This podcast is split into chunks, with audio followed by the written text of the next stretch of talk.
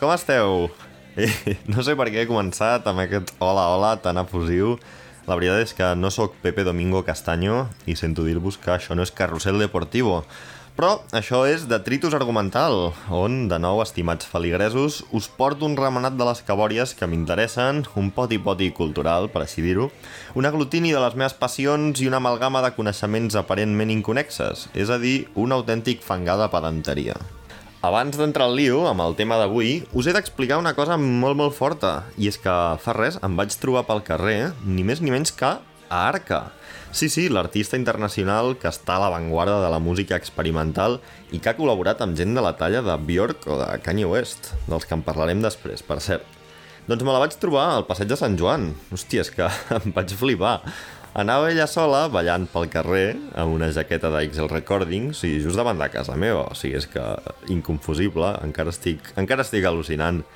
I res, m'hi vaig acostar per parlar-hi i la veritat és que va ser superagradable. Em va dir que estava vivint a Barcelona i que li encanta la ciutat. Jo ja m'intuïa que, bueno, suposo que com molta gent, no? Que anava i venia de Barcelona, perquè últimament li havia vist diverses coses a BCN, doncs el show que va fer el Sonar fa poc, i si no recordo malament, un shoot al MACBA amb la Carlota Guerrero l'estiu passat, i bé, res, arca molt simpàtica i una situació molt surrealista que, que us havia d'explicar. Heu vist? De Pepe Domingo Castaño Arca en un minut. Això és la màgia de detritus argumental. Però vinga, deixo ja de divagar perquè avui porto molt detritus que vull compartir amb vosaltres. Així que comencem amb una exquisida cançó d'Exquirla que em servirà per establir l'atmosfera fosca però poètica que necessito per introduir el protagonista d'avui.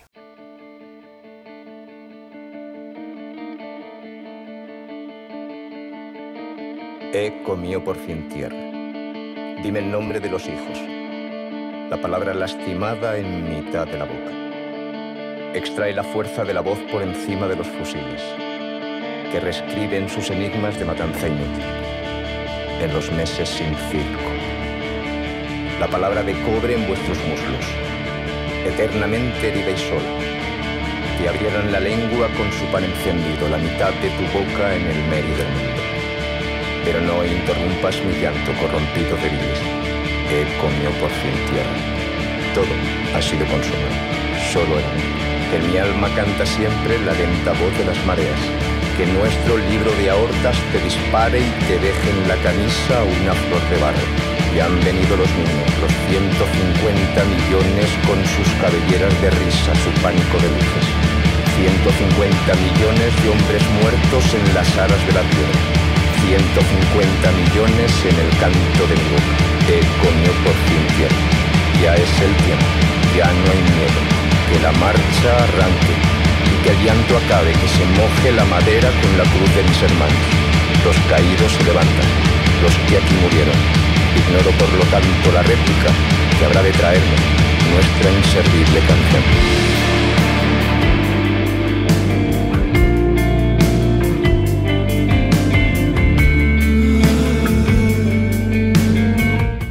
Doncs, com ja sabreu, més que res perquè està el títol de l'episodi, avui vull parlar-vos d'en McQueen, però no de l'Steve ni del Rayo, sinó d'Alexander McQueen, el dissenyador de moda.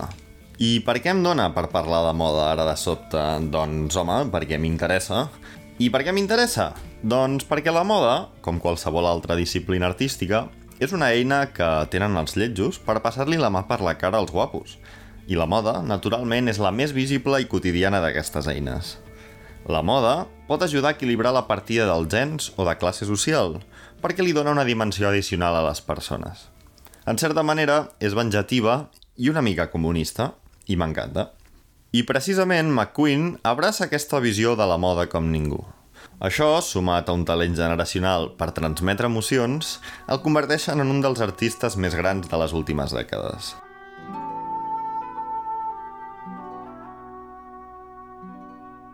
Nascut sota el nom de Lee Alexander McQueen a Stratford, Londres, el 1969, Alexander es va criar en una família humil en la que ell era el petit de sis germans. El seu pare era taxista i la seva mare es dedicava a cuidar la canalla.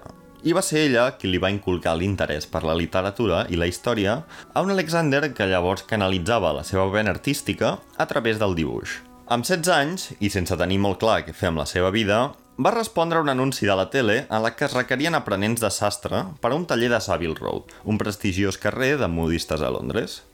A partir de llavors va anar passant de taller en taller mentre perfeccionava la precisió de les seves confeccions, que més tard seria un dels estandards de la seva marca. Total, que el noi apuntava maneres i va decidir inscriure's al Central St. Martin's College per estudiar disseny.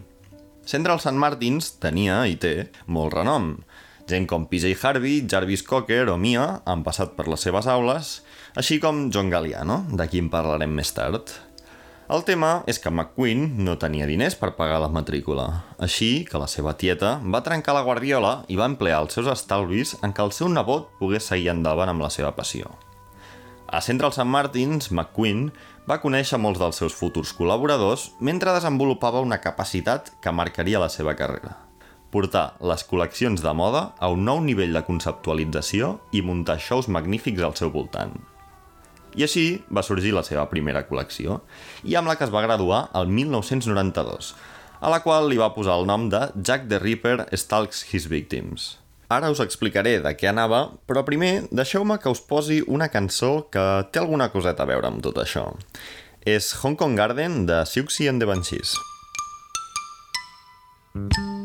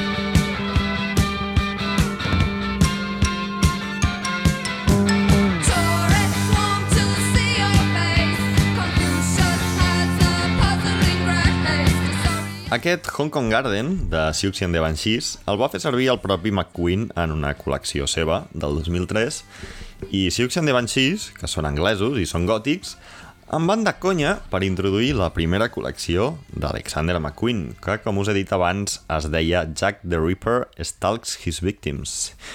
Com el nom de Jack el Destripador indica, la col·lecció estava basada en l'assassí en sèrie que actuava a finals del segle XIX a l'East End londinenc, on precisament McQueen es va criar. La proximitat geogràfica i l'interès per la història d'Alexander el van portar a conceptualitzar la col·lecció al voltant de les prostitutes assassinades per Jack el Destripador, que, bueno, és un tema com qualsevol altre, no?, per fer una primera col·lecció de moda. Naturalment, eh, seguint el context de l'època, els dissenys tenen una estètica victoriana, que McQueen combina amb motius gore. Molts dels vestits sembla que estiguin ensangrentats i compten amb l'entallatge milimètric marca de la casa, a través del qual destaca la peça més icònica de la col·lecció, que és un vestit preciós de color rosa amb un patró d'espines verticals. En fi, que la desfilada va ser un èxit fins al punt que una de les assistents li va comprar tota la col·lecció d'una sola tacada. I qui era aquesta compradora tan entusiasta? Doncs ni més ni menys que Isabella Blow, una aristòcrata vinguda menys que es caracteritzava per portar uns barrets menys discrets que el Quim Masferrer entrant a una llar d'avis i que durant els anys 80 s'havia codejat amb la flor innata del panorama novaiorquès. Warhols i Basquiats, i quan va assistir al show de McQueen ja feia gairebé una dècada que treballava a Vogue. o sigui que era una personalitat important en aquell mundillo. A partir de llavors, McQueen i Blow van establir ràpidament una connexió molt forta perquè tenien una manera força similar de veure el món i la moda i el món de la moda. Tots dos, a més de compartir raresa, tenien en comú una infància traumàtica. Mentre que McQueen va patir abusos per part del nòvio de la seva germana gran, Isabella Blow va veure morir ofegat el seu germà petit. Aquests fets els unirien encara més, si cap, però inevitablement marcarien la resta de les seves vides. Però vaja, mentre ens endinsem en la història de McQueen, i com que se suposa que aquest és un podcast musical, doncs ara us posaré una altra cançó que el bad boy de la moda dels 90 va fer servir en un dels seus shows.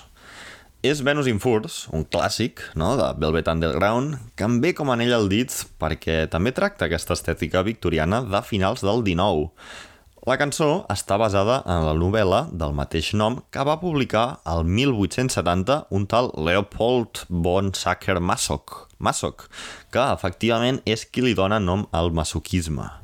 Tant el llibre com la cançó toquen temes molt en la línia de McQueen. Dominació, els instints més primitius, la violència en els romans, la perversió de la bellesa i, naturalment, estan repletes de referències a la moda. Venus in Furs, per tots i totes vosaltres. Mm. Thank you.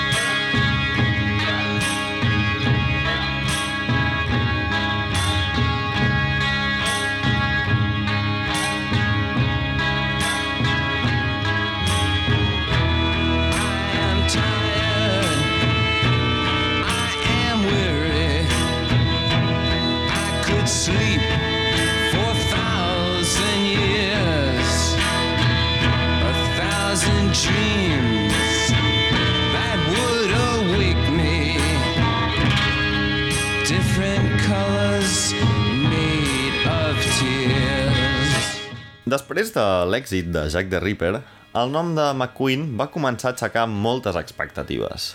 I el 1994, amb apenes 25 anys, el seu show va ser l'escollit per tancar la Setmana de la Moda a Londres. Quasi res, vaja. La col·lecció que McQueen va muntar per aquesta ocasió tan especial aniria sota el nom de Nihilism i seria una de les més revolucionàries de tota la seva carrera. Tal com el nom indica, la col·lecció tracta sobre el nihilisme, és a dir, sobre l'absència de valors, la moralitat, la vida com a sense sentit, l'antiromanticisme. Si ho he dit malament, que em corregeixi algun filòsof. Doncs la interpretació del nihilisme que va fer l'amic Alexander a l'hora de traslladar-ho al terreny de la moda consistia en coquetejar bastant fort amb el nudisme – D'aquesta manera, a Nihilism, les pitreres tenien el mateix protagonisme que en un Sálvame amb Maria la Piedra. Però McQueen era massa genial com per tirar de provocacions que no van més enllà. Així que va fer servir aquest filon per donar a conèixer al món una peça que definiria l'estètica de finals dels 90 i de principis dels 2000, el Bumster. El Bumster és un pantaló amb un tall tan baix que deixa veure part de la guardiola que a primera vista pot semblar una xorrada, però que en realitat va ser revolucionari perquè comportava que McQueen havia creat una nova silueta, en la que la cintura baixava fins al cul, prolongant, per tant, el tors fins al seu màxim potencial. Això de crear una silueta és de les coses més grans que pot fer un dissenyador, i es compten pràcticament amb els dits de les mans els que ho han aconseguit. Per exemple, Christian Dior, Coco Chanel, Cristóbal Valenciaga o Rick Owens i Demna Gvasalia, entre els més recents. Doncs McQueen entrava en aquest club tan selecte tan sols dos anys després d'haver-se graduat. Aquell mateix any, Madonna apareix en un anunci de la MTV portant uns bàmsters, i a partir d'aquí la resta és història. Des de l'illa fins a Britney Spears, el look que forçava a les celebrities a passar-se la podadora va apoderar-se de pràcticament tots els videoclips de música pop durant una dècada. Tot i així, l'èxit de Nihilism contrastava amb la precarietat amb la que treballava McQueen en aquella època, ja que havia de finançar els seus propis shows amb el que cobrava de tour. De fet, a l'entrevista que li fa la BBC després de la desfilada de Nihilism, només es veu el clatell d'un McQueen que, si no ocultava la seva identitat, seria, amb molta seguretat, desposseït de les ajudes que rebia per part de l'Estat. Era tal la seva precarietat que després de fer una cosa tan notable com tancar la Setmana de la Moda de Londres, va haver d'anar a sopar a un McDonald's, si hi ha un puto McDonald's, perquè no es podia permetre res millor. Capitalisme i precarietat en la cultura. Name a more icònic duo. Sé que avui la xapa és intensa, però és que em sembla molt interessant tot el que envolta Alexander McQueen. Així que abans d'explicar-vos el seu show més polèmic, escoltarem una cançó d'un artista contemporani a McQueen que, com ell, va ser incompresa per molts, però la que el temps li ha donat el respecte que es mereix. És Missy Elliott amb She's a Bitch, que el 2002 apareixeria a la presentació de Primavera-Estiu del dissenyador anglès. Uh.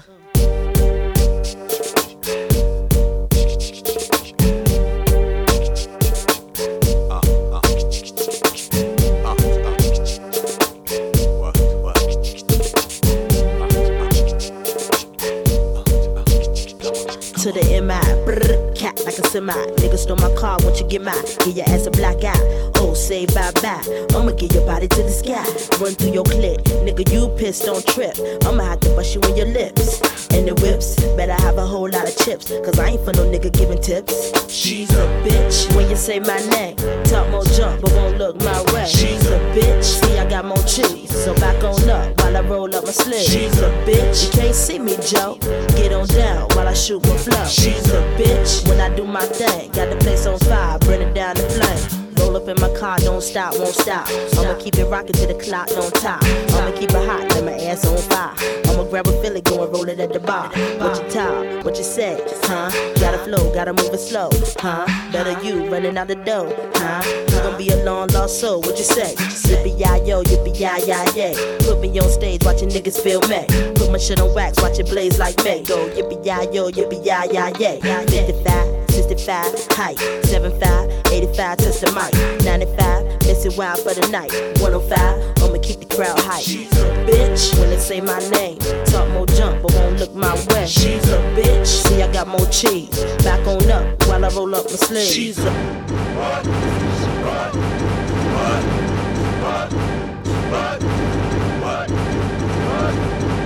What you know about Timothy? Let me know. Eat an MC like C's, let me know. If you get drunk, lean on me, let me know. I'm about to bust like P, feel me now. Anybody know my skills, what the deal? Anybody feel my skills is the real? Anybody wanna come fuck with the steel? Anybody gotta get the whole body pill? She's a bitch when they say my name. Talk more jump, but won't look my way. She's a bitch. Si us heu fixat, introduint la cançó, he dit que McQueen era anglès que és veritat, perquè va néixer a Londres, però en realitat els orígens de bona part de la seva família estaven a Escòcia. Això, sumat a l'interès que McQueen li despertava a la història, el va portar a presentar la col·lecció Highland Rape a l'any 95.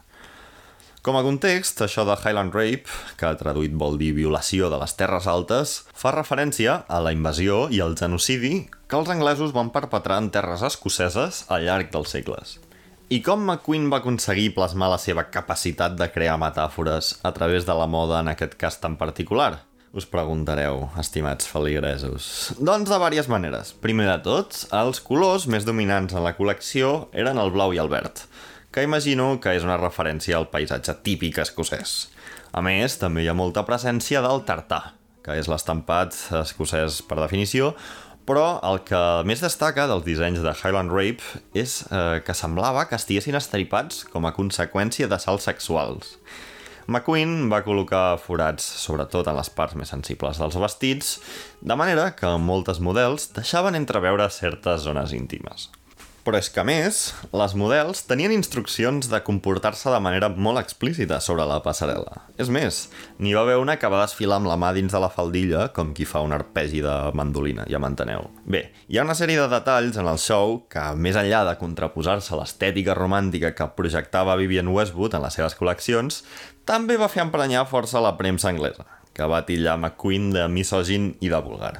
Però és que a més de no tenir raó i de no saber entomar la crítica a l'imperialisme anglès, Highland Rape també tenia motivacions autobiogràfiques, ja que, com he comentat abans, McQueen també havia estat víctima d'abusos. Resumint, que la violació de les Terres Altes és una obra mestra per la brillantor amb la que es tracten les metàfores. Aquell mateix any, McQueen també va presentar The Birds, és a dir, els ocells, com a col·lecció de tardor-hivern a través de la qual va introduir la simbologia de les ales i els ocells, que seria un motiu molt recurrent en futurs treballs de la marca. Els ocells capturaven l'atenció d'Alexander, tot i que desconec si ho feien fins al punt de l'obsessió, com en el cas d'un altre cèlebre compatriota seu, Alfred Hitchcock. Un altre anglès, però, del qual en desconec la seva faceta d'ornitòleg, però que va muntar un grup amb el nom de Wings, és Paul McCartney, la filla del qual, Stella McCartney, també dissenyadora de moda, va coincidir amb McQueen a Central St. Martins. De McCartney pare i de Wings he triat la propera cançó, que és Mull of Kintyre, que vol dir alguna així com sospir o lament de la illa escocesa de Kintyre. De nou a Escòcia i McQueen, a mi em perdonareu, però és que avui estic fent unes connexions collonudes. Així que, mentre em patonejo a mi mateix, us deixo amb la preciositat de cançó que és Mull of Kintyre.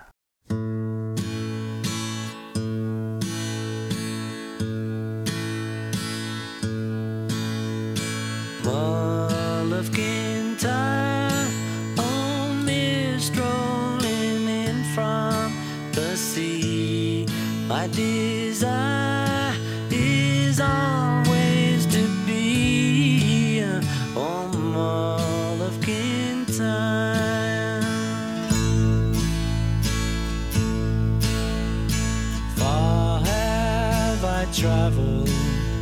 and much have I seen. Dark, distant mountains with valleys of green, past painted deserts.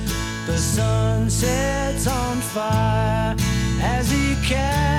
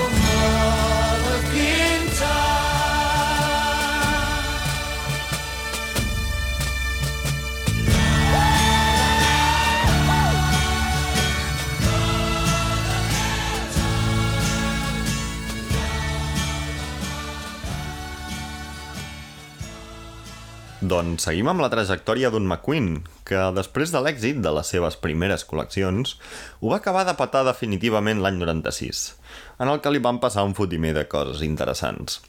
Per una banda, va guanyar el que seria el primer de quatre premis al millor dissenyador britànic de l'any. Després va dissenyar el kimono de la portada d'Homogènic, de la Bjork, que és xulíssim, i també va fer tot el vestuari de la gira que David Bowie estava preparant en aquella època. I a més, com a bona celebrity dels 90, va començar a snifar cocaïna en quantitats industrials per tal de mantenir el frenètic ritme creatiu que se li demandava. O sigui que va ser un any rodó per McQueen. Per si tot això no fos suficient, Givenchy, la marca francesa, el va nomenar director creatiu com a relleu d'un John Galliano que marxava a Dior. Què implicava això? Doncs, per un costat, McQueen havia de dissenyar tant les col·leccions de la seva pròpia marca com les de la casa parisina. És a dir, el doble de feina, és a dir, més coca. Però vaja, que McQueen va acceptar el repte i va marxar a París amb un sèquit de col·laboradors entre els quals es trobava Sebastián Pons, un mallorquí que havia conegut a Londres i que seria la seva mà dreta a Givenchy. Però què passa? Doncs que amb tot aquest sarau, París va acabar esdevenint un còctel un tant explosiu. Entre que la premsa francesa va linxar McQueen des del primer dia, que la seva addicció l'estava convertint en un maníac bipolar i que Alexander li tenia enveja a Galliano, l'estança de McQueen va ser la més moguda d'un anglès a França des de l'evacuació de Dunkerque. Recordem que tant Givenchy com Dior formen part del conglomerat bilionari de Louis Vuitton Moet Hennessy. Així que, quan McQueen es va assabentar que Galliano tenia quatre vegades més pressupost que ell, gairebé li peta una vena de la ràbia. Tota aquesta ira la pagava amb els seus companys, i això va acabar provocant que Sebastián Pons acabés engegant-lo. A pesar de les circumstàncies, la relació amb Givenchy va durar 5 anys, durant els quals McQueen va crear algunes de les seves millors obres. Sé que us moriu de ganes de que us ho expliqui, però primer vull, no vull, necessito escoltar una cançó que, mira per on, es diu Givenchy. És uh, Rich Gang, amb un jove Young Thug, mai millor dit, que entra... Bueno, escolteu per vosaltres mateixos com entra i com va canviant de flows Young Thug. Big dog. Nigga, we never hung over. Never, boy. Popping bigger numbers with my nigga. Straight B's on. Straight B's. Shout out to my love, my blood, my team, my gang, my family. Nigga, you know what we bleed. You know what we 404 30504. Uptown. What's poppin', nigga? House of Dank, put it in the air. It's that YSL, Rich Gang, RHQ, YMCMB shit. Big B's with a few C's. Pee Wee was poppin', nigga. Bankroll Mafia. How Beezer was brackin', nigga. The pussy out of line, the pussy get their head bust. you dig? B Loke and Bentley, y'all know the business. It's B Slime or G5. Bleh! Rest in peace, Tamara and Miss Gladys, boy.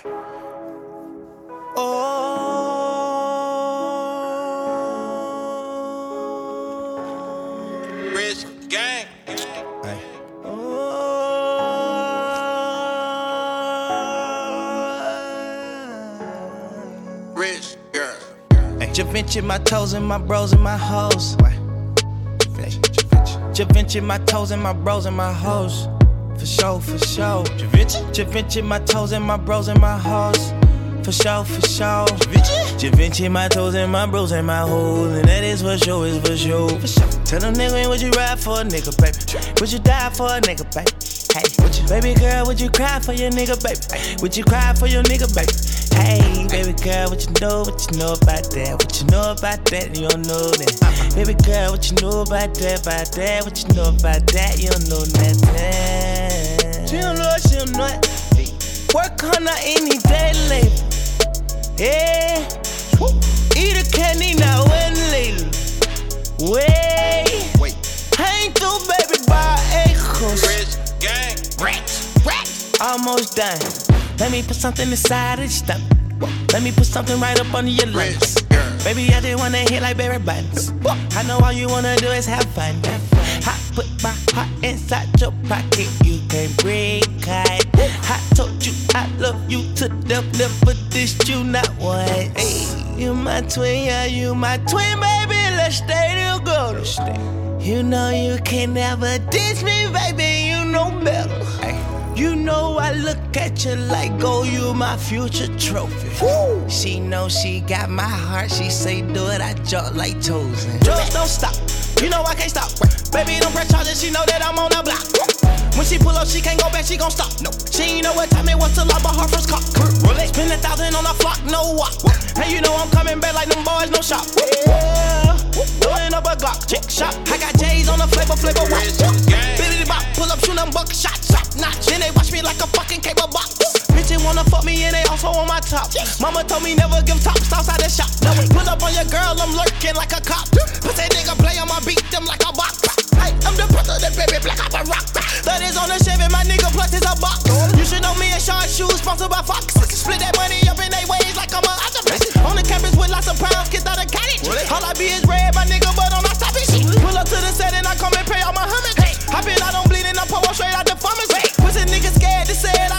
shit. Little bit, you know I'm really thugging like Bones and Harmony. Rich gang. I can never be you. I'm an animal. You know I got some of them. If a nigga ever got robbed, bitch, on the melody. And I got an African with weed over on Clementine. Lil' mama don't go keep it stopping. I want that camel toe. Pull up to the set with them sticks and have us an ammo show. Head through the front door with that check it out the back though. Bags in it, bitch, so many bags like where the racks go.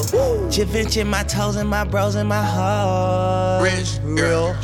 Don't act like you don't know when you know that you know. I tornem al pas de McQueen per la ciutat de les llums, perquè imagino que voldreu saber què va fer d'interessant allà el nostre enfant horrible preferit, a part de calentar-se les fosses nasals, no?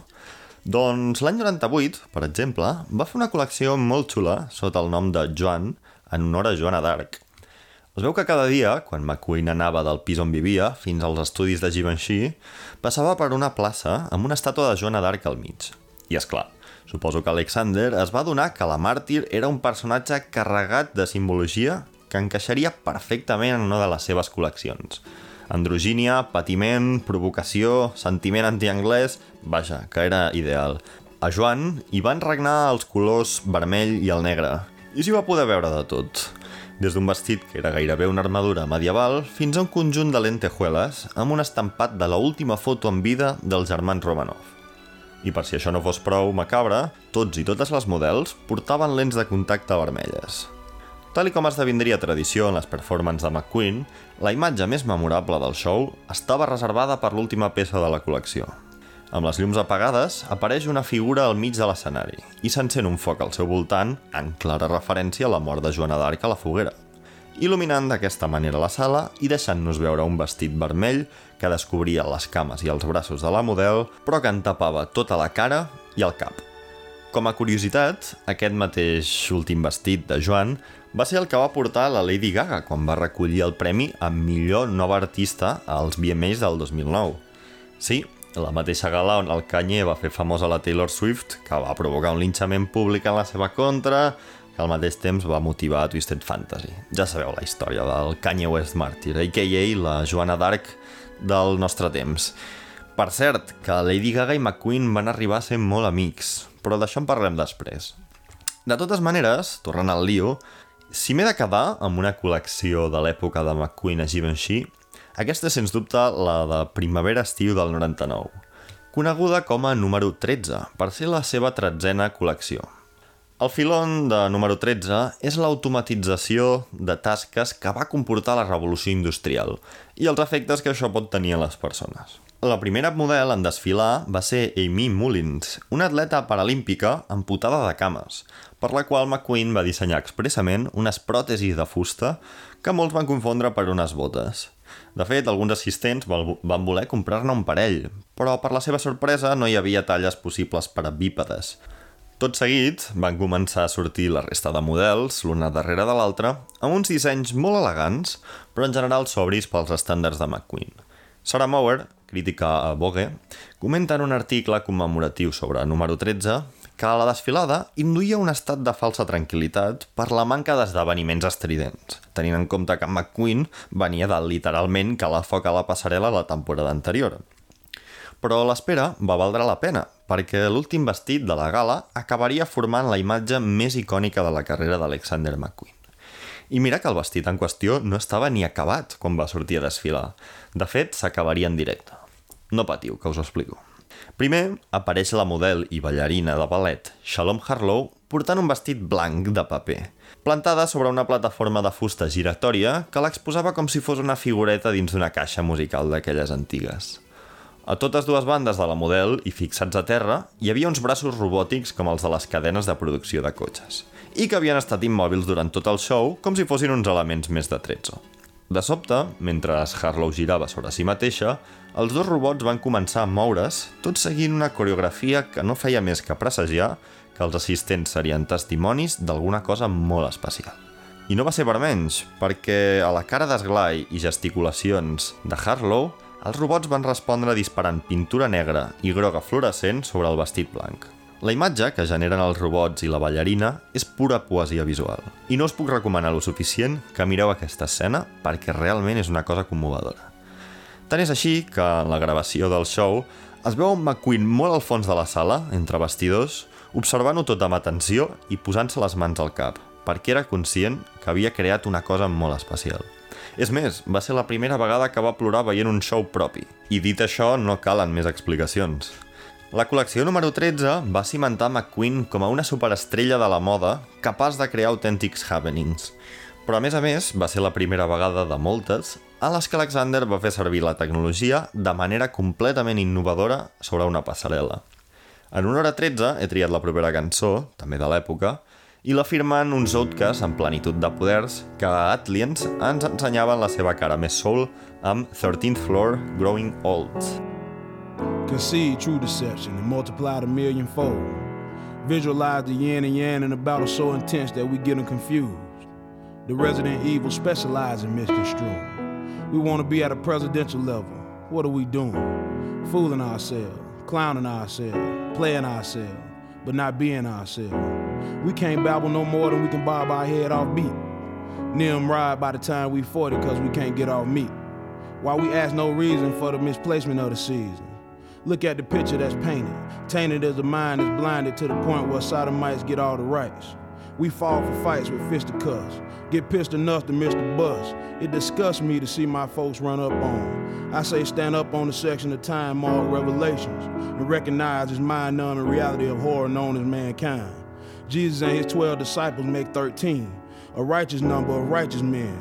Even Judas, the betrayer came true in the end. The devil say the end is the beginning. They teach that we were the product of incest. Invest no level of self into this system of pagonomics. Stand with us and don't look back upon this faceless mind state. Otherwise, Babylon, Babylon.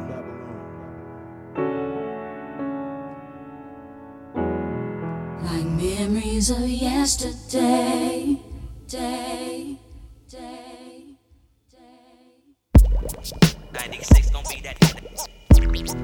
Yeah, yeah. Nin- nin- 96 gon' be that. Yeah.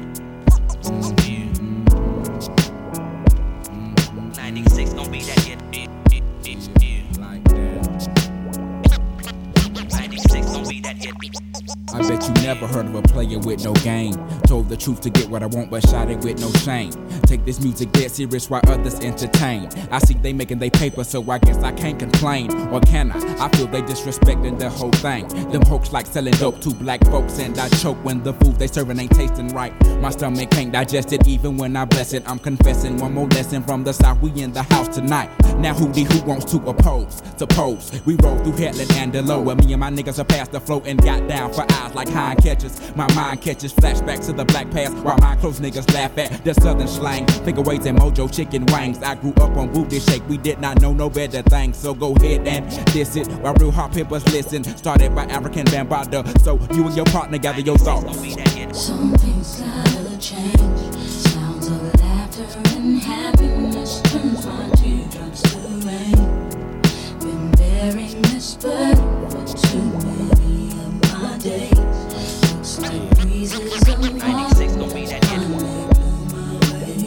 Després de número 13, i amb el canvi de mil·lenni, McQueen començava a estar una mica fins al gorro de Givenchy. I va tenir la sort de rebre una oferta que li permetia fotre'n el camp. El cas és que Gucci va comprar el 51% de la marca McQueen, I això li va donar a Alexander suficient llibertat financera com per centrar-se exclusivament a les seves col·leccions i engegar a Givenchy i a tota la cort de periodistes paparres que tant li havien donat el cunyàs a París. I precisament la llibertat que li va donar el distanciar-se de Givenchy arribava en el moment més oportú, ja que McQueen es trobava en el pic de la seva capacitat creativa i ell n'era conscient.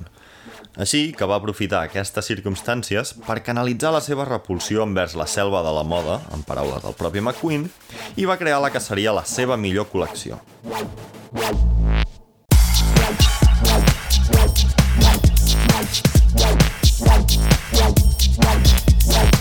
Intel·ligent, provocadora i repleta de significats, Boss, B baixa o SS, va ser el nom que va rebre la col·lecció de primavera-estiu del 2001.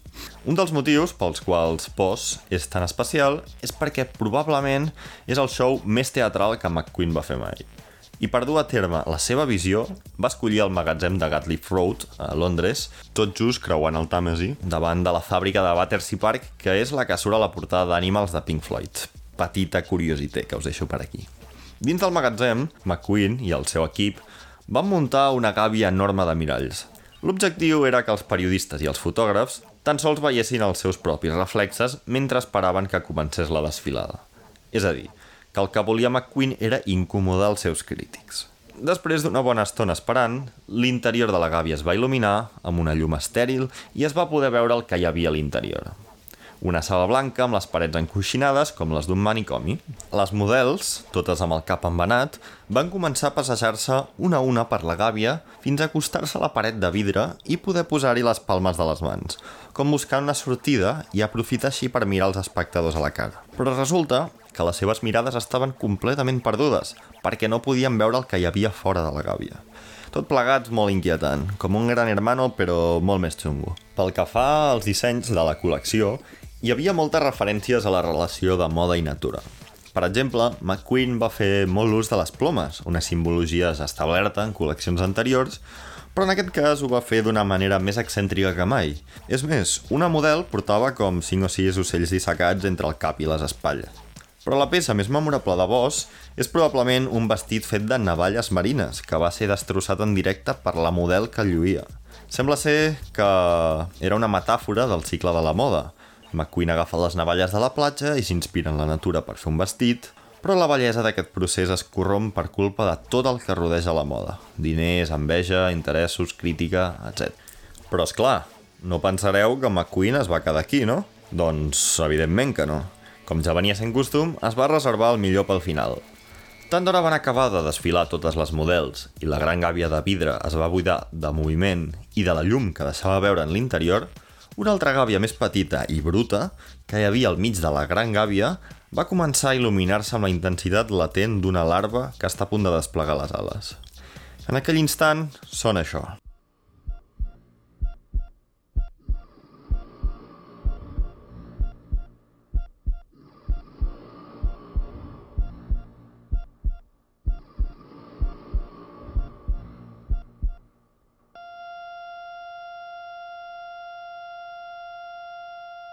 Llavors, les parets de vidre groguenc de la gàbia petita cauen cap en fora i es trenquen contra el terra. Al desplegar-se el cub d'aquesta manera, n'escapen tot d'arnes o papallones que hi havia a l'interior i es descobreix el que havia estat ocult durant tota la gala. Una noia grassa, despullada, estirada en un divan i intubada a través d'una màscara horripilant amb ales per orelles. La imatge és acollonant. Però aquesta escena tan pertorbadora no és pas original de McQueen, sinó que és una recreació de Sanitarium, una obra del fotògraf gòtic Joel Peter Whitkin. El que que és original de McQueen és l'ús d'aquesta imatge tan potent com a metàfora. Però metàfora de què? Doncs dels cànons de bellesa femenins pot ser o sobre la superficialitat de la moda o de la subjectivitat de la bellesa. Es poden fer moltes interpretacions de Boss i ara podria seguir amb aquesta xapa tan densa durant una bona estona, però no em vull allargar massa i és que, a part de fer-nos els intel·lectuals caçadors de metàfores, també hem vingut a escoltar una mica de música. Us poso una altra cançó que McQueen va fer servir en un dels seus shows i seguim amb la part més fosca de la vida del dissenyador. Això és Double 99 de Rip Groove, versió en directe d'un mix de DJ Sherelle per Boiler Room, us adverteixo que pega inexplicablement fort. Prepareu-vos. Excuse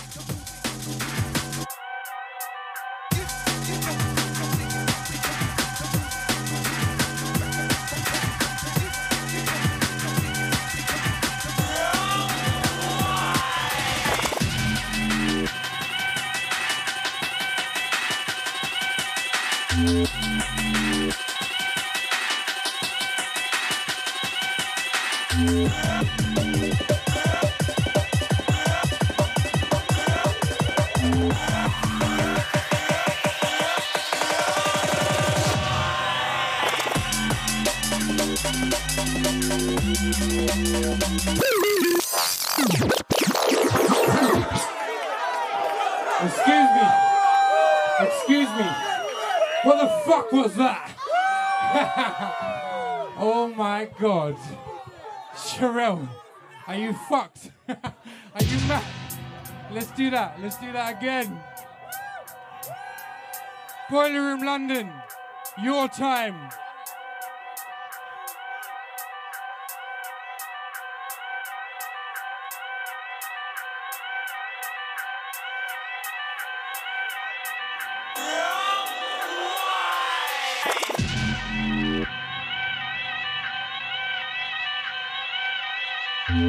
When this one drops, every single person in this room, go fucking nuts. Go fucking nuts. DJ Sherelle. One, two, one, two, three.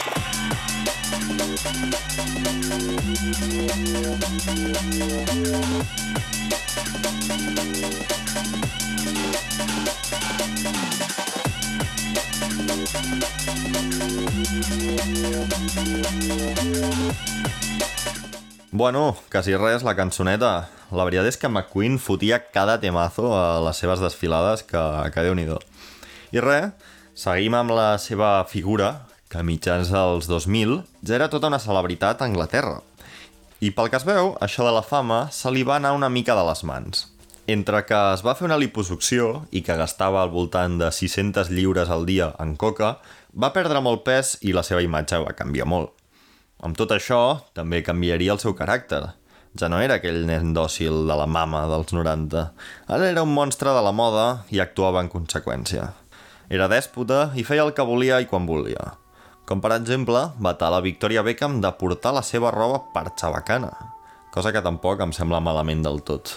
I tot i que despreciava a la majoria de celebrities, també feia algunes excepcions, com amb la Sarah Jessica Parker, per exemple, i la Kate Moss, amb les quals va compartir amistat i targeta de crèdit durant anys.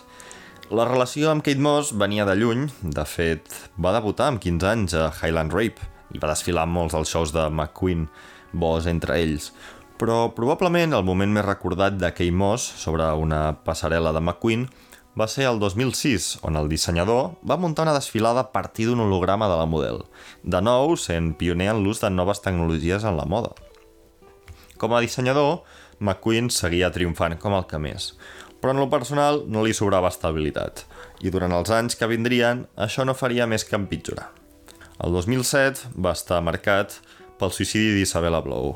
Recordem, amiga íntima de McQueen des de la seva primera col·lecció, i gairebé una segona mare per ell.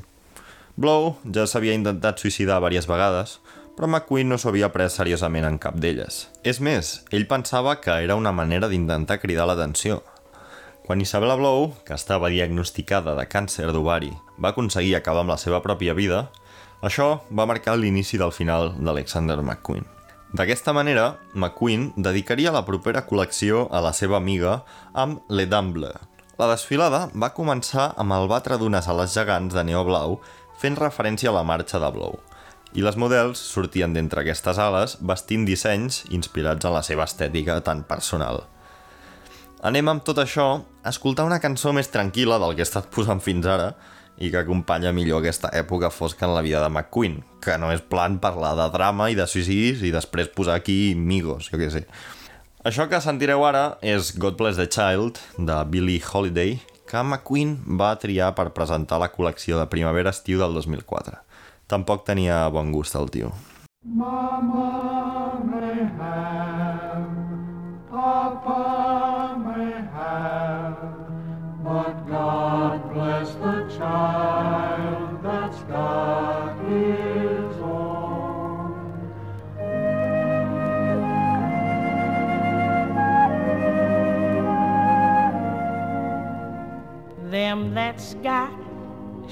get, them that's not shall lose.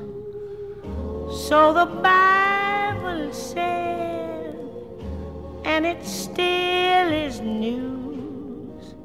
Mama may have, Papa may have,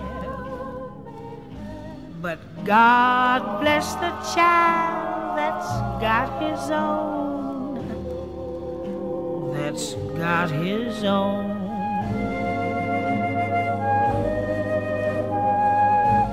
Yes, the strong gets more while the weak ones fade. Empty pockets don't ever make the grade. Mama may have, Papa may have, but God bless the child that's got his own, that's got his own.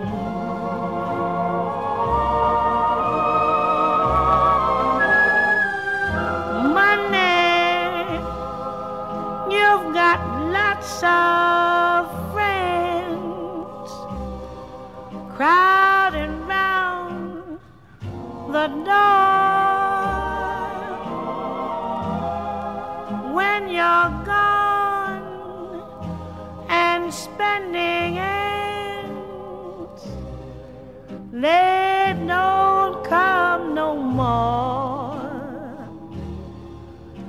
Rich relations give crust of bread and such. You can help yourself, but don't take too much. Mama may have, Papa may have, but God bless the child that's got his own. That's got his own. bless the child, the child that's got his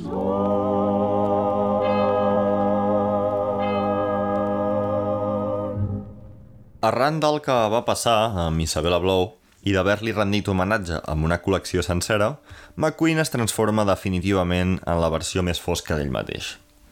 D'aquesta manera, el 2008, i amb la determinació d'algú que ja no té res a perdre, Alexander es llança a boca de canó contra la selva de la moda amb la col·lecció The Horn of Plenty. The Horn of Plenty és l'últim lloc on es va veure la última víctima de Jack el Destripador. I aquest nom tan específic era molt probablement una pista esgarrifadora sobre les intencions de McQueen.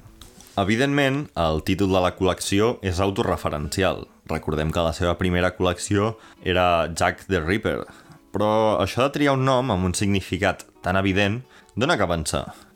Estava comparant McQueen un assassí en sèrie com Jack el Destripador amb el món de la moda? Estava advertint que ell seria la propera víctima d'aquella màquina de destruir persones? Probablement la resposta a les dues preguntes és que sí, i si ens fixem amb la ràbia amb la que McQueen carrega contra la moda en aquesta col·lecció en particular i la foscor amb la que l'embolica, queda patent que ell no estava bé i que tenia plans de trencar amb tot. La passarel·la de The Horn of Plenty estava monopolitzada pel color negre i tenia com a punt central una muntanya de ferralla plena d'objectes que feien referència a shows icònics de la trajectòria de McQueen. Comença la desfilada i des del primer moment sona música noise industrial molt bèstia. Sota aquesta tempesta d'abrasió sonora van sortint les models. Però què passa? Doncs que tots i cada un dels primers 13 vestits són d'estampats de pota de gall. Ja sabeu, el patró blanc i negre que és típic de Chanel. Tot i que, originàriament, és escocès. Però l'estampat dels vestits no era l'únic mitjà a través del qual McQueen li va fer la botifarra a l'establishment de la moda. A més, aquests vestits referenciaven molt clarament dissenys de propi Chanel, del Dior de Galliano o de Balenciaga, que va ser el precursor de Givenchy. Perquè us feu una idea, un dels vestits de The Horn of Plenty era bàsicament el disseny de capoll de Balenciaga amb el patró de pota de gall i la model portant una bossa de plàstic al cap. Si això no és una mostra de despreci, jo no sé què és. Vaja, que McQueen va punyetazo limpio sense por de pelar-se als artells, però en cap moment renuncia a la seva genialitat. Hi ha un altre disseny que trobo fantàstic perquè a través d'un degradat transiciona la pota de gall sobre fons vermell a un estampat d'ocells marcada a la casa. Està clar que McQueen volia volar com una liga, però no sense primer cagar-se en els haters com un colom. Un cop va haver repartit hòsties a tort i a dret amb The Horn of Plenty, va deixar a banda tot el ressentiment que tenia i es va centrar en el que seria la seva última col·lecció en vida, Platós Atlantis. Com l'últim flash de llum que fa una estrella abans d'esclatar en supernova, l'Atlàntida de Plató és per molts la millor obra de McQueen. I parlant d'estrelles, en aquella època, allà pel 2009 estic parlant, McQueen va establir una relació molt estreta amb un artista emergent que bé podria ser la reencarnació d'Isabella Blow en forma de cantant, i era ni més ni menys que Lady Gaga. De la mateixa manera que en Blow, McQueen i Gaga compartien una visió estètica gens tradicional i un pèl grotesca i això va unir fugaçment les seves esteles creatives. Després de patar-ho força, amb l'àlbum The Fame, el 2008, Gaga preparava la seva confirmació com a estrella, així que va triar el so del seu amic Alexander per presentar el primer single del seu segon àlbum, que seria The Fame Monster. The Fame Monster probablement sigui el millor àlbum que ha fet mai la monstruïta Stephanie Joan Angelina Germanotta, i no puc evitar pensar que referencia McQueen en algun que altre detall, com el títol de The Fame Monster o la cançó d'Alejandro, potser. No ho sé, igual estiro massa aquest xiclet, però qui sap, li hauríem de preguntar a la pròpia Gaga. Total, que anem a escoltar Bad Romance, que és un temazo i això, que va sonar per primera vegada a Platos Atlantis de McQueen. Roma,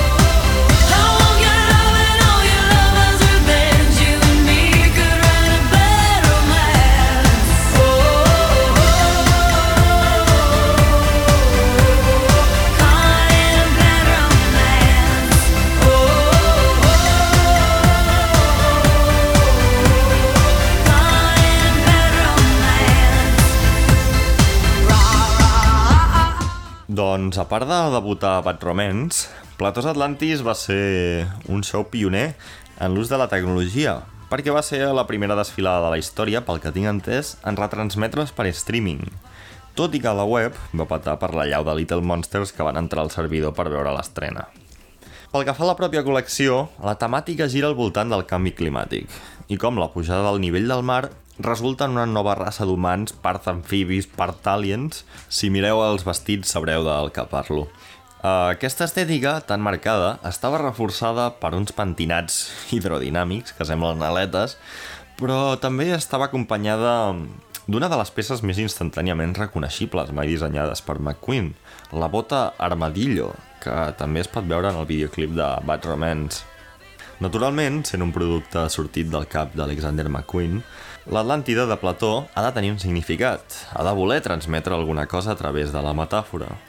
En aquest cas, però, no crec que el significat sigui tan evident com en altres ocasions, però a mi m'agrada pensar que de la mateixa manera que l'Atlàntida, McQueen emergeix de les profunditats per il·lustrar-nos amb una mirada única sobre la bellesa.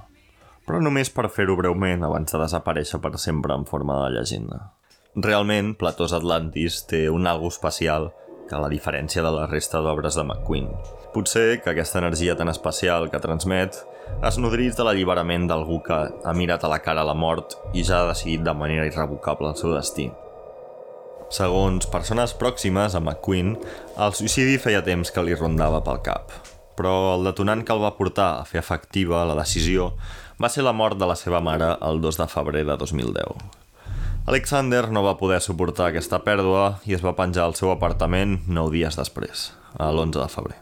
D'aquesta manera tan tràgica i deixant una nota demanant que cuidessin els seus gossos, McQueen posava fi a una de les trajectòries més brillants però convulses dels últims temps. Sobre la mort de McQueen, igual no ve molt a cuento, però el propi Kanye West va fer un comentari bastant brillant en la meva opinió perquè trobo que pot representar molt bé la lluita interna d'algú com McQueen. Va dir he connectat amb el seu viatge i sé com se sent voler recuperar la teva pròpia vida en les teves mans, encara que això impliqui treure't la vida. Aquest comentari de Kanye, que va molt en la línia de les reflexions sobre salut mental que faria a Ye, era en referència al documental del 2018 que es diu simplement McQueen i que us recomano molt que el veieu si, si el que voleu és veure una mica amb els vostres ulls moltes de les coses que he explicat. A partir de la mort d'Alexander, Sarah Barton, que havia treballat amb ell des de l'any 97, va agafar les rendes de la marca. I la veritat és que ha aconseguit mantenir la personalitat de la casa amb molt d'èxit. El 2011 va dissenyar el vestit de núvia de la Kate Middleton, per exemple, i ha vestit des de la Kate Blanchett fins a la Michelle Obama. I fa res, un mes més o menys, McQueen Marca va publicar el vídeo presentació de la temporada de primavera-estiu del 2021. I de veritat que és pura poesia visual i sonora, molt en la línia del que hauria fet el propi Alexander. El vídeo està dirigit per Jonathan Glazer, que és el director de Under the Skin. Per això està sonant la banda sonora de Mika Levy. I com a curiositat, el 2016, una dissenyadora sota el nom de Tina Turjak va voler agafar una mostra d'ADN del propi McQueen d'un vestit que ell havia fet i va intentar fer bolsos amb la pell del dissenyador. Però per sort o per desgràcia no va poder tirar endavant amb el projecte. Això sí que és under the skin. Però bé, ja dono la xapa per acabada, m'he quedat ben a gust i espero que tot això us hagi ajudat a valorar l'impacte d'un Alexander McQueen que ja heu pogut veure que va molt més enllà de les bambes blanques que les pijes combinen incansablement amb els bolsos de Michael Kors. I avui em despediré amb una cançó preciosa d'una Bjork que va cantar al funeral de McQueen després de més d'una dècada d'amistat. I res, gràcies per escoltar-me, em dic Adrià i això ha estat Detritus Argumental.